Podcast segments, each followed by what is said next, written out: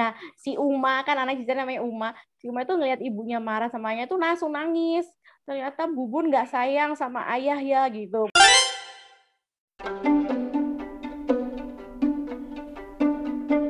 Mbak Deka baca bukunya katanya ada empat. empat aja sombong. oh, itu pencapaian itu. Aku sambil rebahan ya, sambil Gak apa Iya, biasa. Enggak, itu juga karena ada apa ya urusan lah. Gitulah kalau baca buku kalau ada penting. Enggak ya yang pertama yang udah aku tulis ya yang homeschooling itu. Karena emang sebuah kebutuhan kan anakku beneran nggak nggak mau balik ke sekolah istilahnya seperti itu gitu. Dan ya emang sebelumnya sih udah prepare aku itu yang ikut rumah inspirasi itu. Cuman ya biasa lah sama dan lainnya aku baca tuh buku uh, warna-warni homeschooling terus secuplik telaga homeschooling. Ya intinya bukunya emang itu kan kalau buku uh, uh, praktisi homeschooling gitu kan. Ya udah itu udah bikin apa mantep kan akhirnya gitu. Soalnya kan gitu baca bukunya karena butuh gitu biasa. Dan kalau yang satunya lagi ya juga kaitannya sama ASI gitu kan. Jadi selama pandemi ini kan nggak nggak ada home visit gitu kan ya. Cuman aku ingat sama guru sama dokter Tami itu bilang kalau konselor konseling itu teknik yang harus dilatih. Jadi kalau jangan bangga udah ikut pelatihan konseling tapi nggak ketep nggak membantu secara langsung ya. Ya karena kebutuhan kan karena nggak nggak bisa upgrade ilmu gitu dengan konseling bacalah buku tentang asi tapi yang mau aku ceritain ini sih tentang parenting. Buku ini yang nulis okay. sih teman blogger. Itu aku juga nggak nggak sengaja beli. Jadi sebenarnya bukunya ini uh, ini judulnya apa nih? Dubi Dubi Duma. Sebenarnya aku nggak nggak niat beli buku ini. Jadi sebenarnya mau beli buku tentang bukunya uh, Mbak Mira Anastasia blogger juga kan yang imperfect parenting. Ya jadi tentang remaja gitu loh pengasuhan remaja. Sosokan beli pengasuhan remaja anak masih enggak cuman kan karena aku sering baca tulisannya Mbak Mira di blog jadi penasaran gimana sih kalau uh, nulis buku. Nah bukunya tuh dapat tiga paket. Jadi emang teman-teman blogger lagi bikin buku. Satunya dari Mbak Damar yang kebaca baru satu tapi hmm. jadi yang aku mau ceritain ini sih Dubi Dubi Duma jadi ini dari Mbak Esti Wika ya ini tentang anaknya gitu jadi ya Mbak Esti tuh punya dua anak gitu satu uh, jadi yang diceritakan di sini tuh namanya Uma Uma itu anak keduanya Kenapa? Karena dia tadi merasa bersalah sama anak keduanya ini karena dia lebih banyak fokus ke anak pertamanya yang ABK gitu. Jadi yang uh, apa? tuna rungu nggak ya gitu tuna rungu jadi ya gitu jadi kayak uh, adiknya ini jadi kayak uh, apa lebih ngemong kakaknya gitu. Ceritanya dia tuh ngerasa uh, ya udah aku nulis buku inilah buat uh, anak keduaku yang selama ini tuh ternyata udah bantuin aku banget buat jaga kakaknya yang ABK itu. Jadi adiknya tuh kayak apa yang ngelindungin lah kalau kakaknya dibully lah. Terus kalau ibunya itu lagi di kan kalau anak ABK lagi apa sebel gitu kan ibunya yang dipukul-pukul gitu dia yang tahu gitu. Deh uh, ya ringan sih bukunya ringan. Kas kas ini ya apa kas bukunya ibu-ibu gitu kan. Jadi anak itu bisa jadi sumber inspirasi gitu buat nulis celoteh-celoteh sederhana anak. Jadi ya ya seneng aja sih bacanya ringan gitu tipis lagi bukunya. Cuman belum sempet ditulis. Itu anaknya umur berapa mbak kalau ini sih diceritakan mulai dari kecil deh, tapi sekarang eh, eh kak dari kecil sampai jadi ada bagian masanya. Jadi ketika anak ini masih oh. uh, uh, masih ini apa nih judulnya masa bermainnya sampai dia ke masa awal sekolah sampai sekolah. Jadi ceritain juga sekarang, di Maksud aku terakhir umur sampai umur berapa diceritainnya? Diceritainnya kelas kelas 3 ini ini ini ceritanya sampai pandemi sih jadi bukunya baru Ya, jadi ada cerita sekarang. tentang pandemi masuk di sini Belajar ketika online. uh, uh, ketika harus belajar online dan lain sebagainya dan lain sebagainya gitu Lalu gimana belajar online ya? yang itu sih nggak dia ceritakan karena kan ini fokusnya ke anak keduanya Iya, yang anak pertamanya itu karena dia ngerasa kena saya tadi ternyata selama ini eh, dia itu banyak ya kayak istilahnya banyak gimana kayak sebenarnya nggak niatnya gitu kan tapi kan cuman abangnya butuh eh, apa butuh atensi lebih kayak gitu.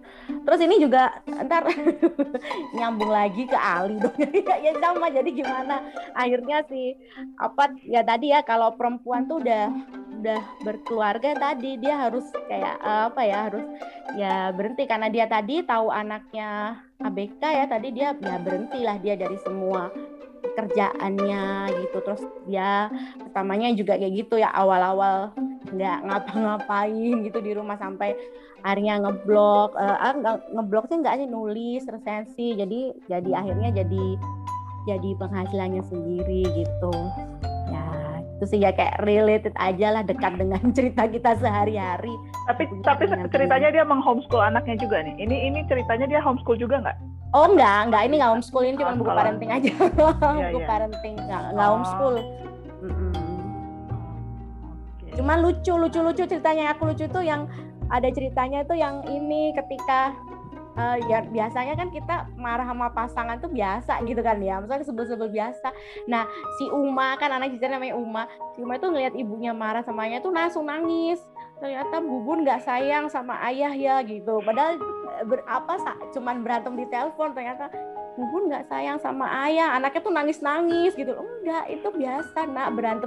Enggak, Bubun nggak sayang akhirnya ibunya tuh ngalahin gengsi gitu sih ya terus bilang ke ke suaminya I love you ayah gitu udah dia padahal lagi marah sama suaminya lagi gondok tapi anaknya lagi kayak gitu kan lucu gitu ya anak-anak kecil yang belum bisa ngerti gitu. Lagi lagi marah dia yang nangis ayahnya di ibu nggak sayang ayah gitu. Ya lucu gitu gitu gitu deh. Aku Kalau kan aku pernah ini malahan aku lagi cerita ke suami, tapi ya biasa aku cerita kan suka terlalu bersemangat mungkin ya, jadi Hmm. dengan suara keras gitu ya. Eh anakku bilang, Mama, please stop. jadi dia takut gitu, saya bikin gue lagi Ya. marah-marah.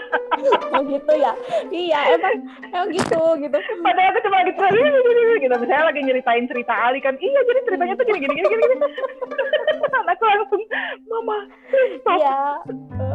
Jadi Ketawa kadang kan ngecek. kalau petua-petua orang tua tuh biasanya gini kan, ya ini kan lucu ya, si anak menangkap gitu kan, "Pak, jangan bertengkar di depan anak gitu. Iya.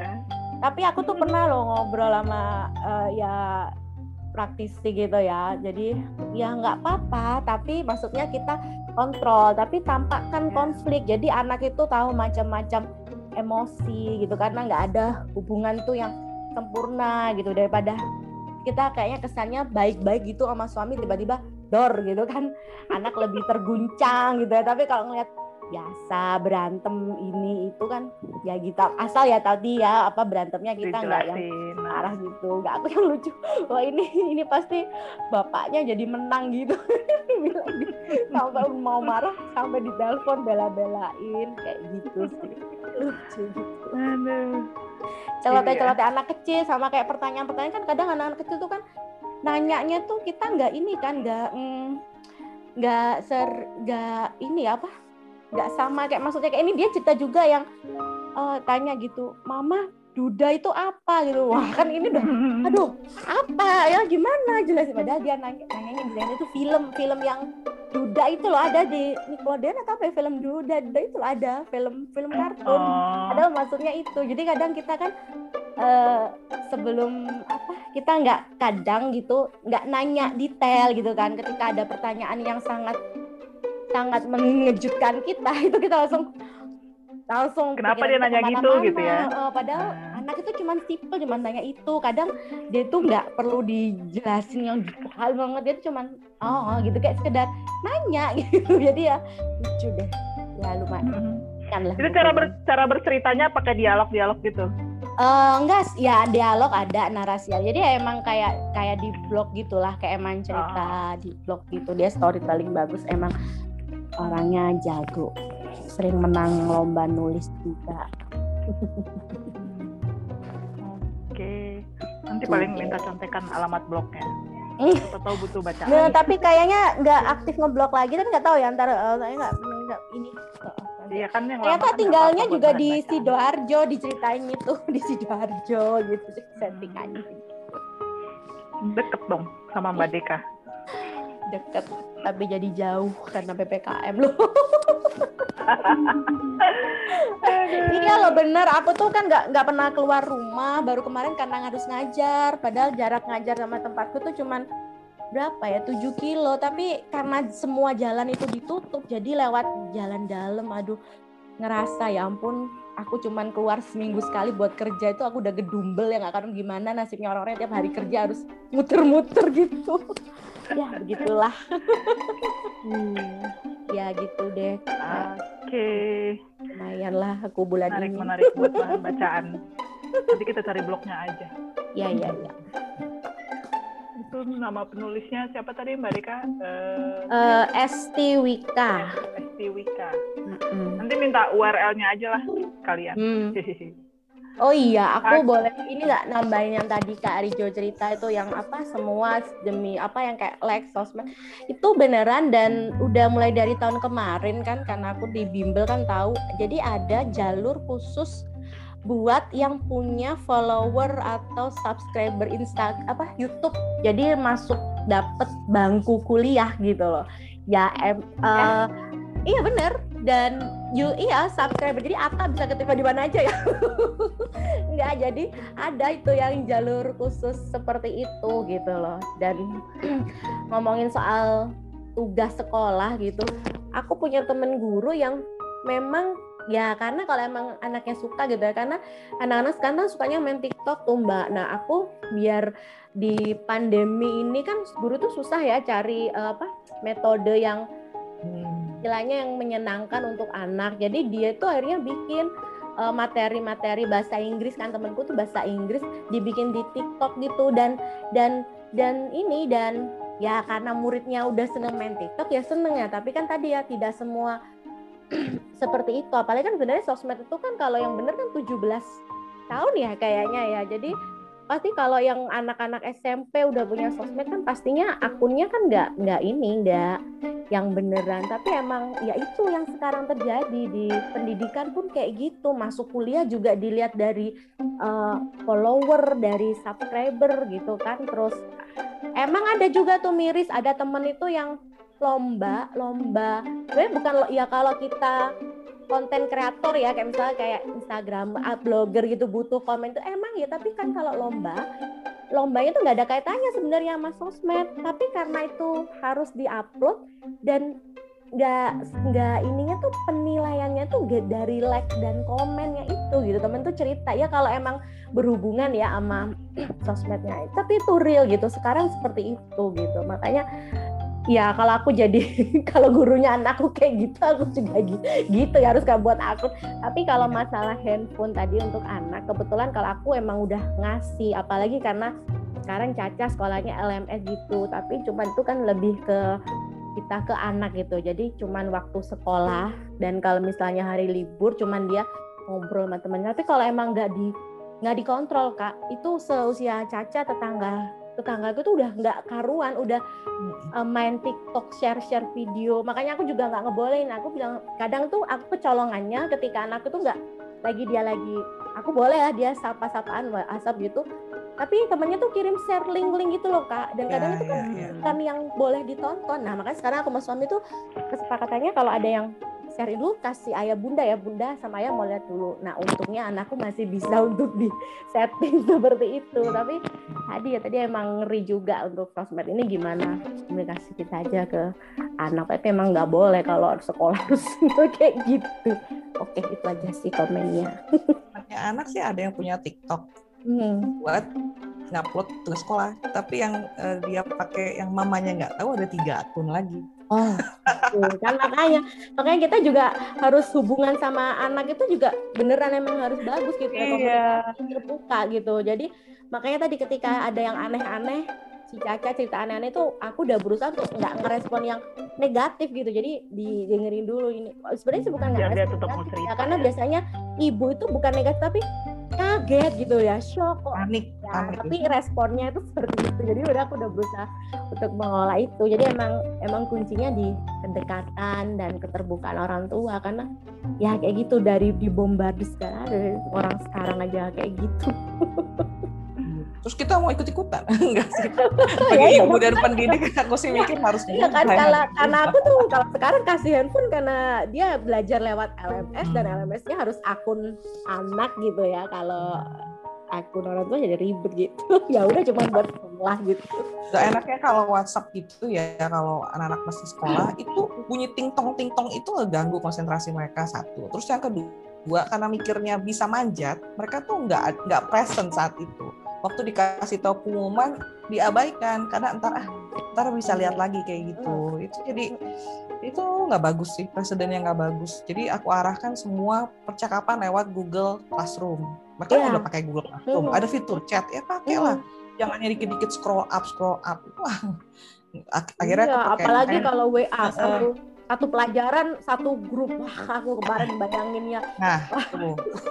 Kan untung kita yang pegang gitu ya tapi emang kebanyakan Hmm. teman-teman Caca ini karena sejak online dulu masih sekolah itu ya mereka akhirnya punya harus punya handphone gitu karena kan tadi bisa jadi nggak eh, orang tuanya nggak ada di rumah kan dua-duanya misalnya aku kan masih bisa semuanya dulu waktu sekolah online dari aku kan aku di di, di rumah gitu emang Hmm. sebenarnya ya itu tadi pandemi ini juga orang tua tuh bingung gitu nggak ngasih handphone kitanya nggak di rumah kadang kayak gitu ya begitulah sebenarnya bisa juga dibeliin device-nya tapi bukan selalu bersama dengan mereka gitu loh dikasihinnya pas jam sekolah doang gitu loh Hmm. iya Mm-mm. Mm-mm. habis itu ya udah kan dikumpulin. teman-temannya teman-temannya tahu oh itu punya mamanya Misael. Nomor WA-nya nggak ada yang berani. Iya iya Iya, nggak nggak nggak tadi kita nggak harus ikut-ikutan tren gitu kan. Kita punya pilihan gitu kan. Visi visi keluarga beda. Kayak kayak gitulah. nggak boleh disamain juga. Cuman ya memang aneh semuanya sekarang serba seperti itu sampai masuk kuliah. Iya kalau jurusannya komunikasi ya atau ada hubungannya sama itu itu cuma jurusan loh. Kan bahaya banget kalau misalnya dia masuk apa sih? Cuma gagal subscriber terus ternyata nggak punya kapasitas di situ. Ntar Kampus bisa apa? Universitas apa? Universitas apa? ada universitas di Surabaya dari swasta jadi negeri gitu udah dah. kok beberapa 17 Aku tahu, aku tahu, Agustus aku ya? tahu. 17 Agustus ya? Bukan, Bukan. yang Jadi itu dulu swasta sekarang di negeri. Rungkut. UPN, UPN. Oh iya benar. Serius, UPN begitu? Negeri. ada kok aku dari berapa bulan lalu pernah nge-google Iya ada kan. tapi udah lupa namanya Oh, universitas apa ada yang kayak itu gitu namanya emang tuh jalur jalur prestasi istilahnya. Memang kan ya kalau emang punya karya nggak apa-apa ya. Tapi makanya sekarang itu kak cita-cita anak-anak itu udah selebgram gitu cita-citanya udah kayak gitu gitu. Ya nggak Iya, apa-apa sih jadi apa youtuber nggak apa-apa. Tapi kan uh, proses ke sananya itu loh. Oh jadi gitu. Ntar Ata bisa dong masuk UI kalau UI kayak gitu. UPN Kamu rumah. masuk lewat jalur apa? Lewat jalur subscriber. iya kan bahaya itu. Iya, iya, iya. Ya Allah. asal jangan subscriber bodong aja Ya itu Nah, aja bisa dia dibeli. bisa. Sekarang ya bisa. Itu aja bisa dibeli jadi Banyak. Makanya Medianya ada. berarti Karena harus dilihat pasarnya juga ada. nanti dilihat juga nanti insight-nya dilihat apa traffic-nya laporan insight dan traffic. ribet dah. Dosennya ganti. kembali ke buku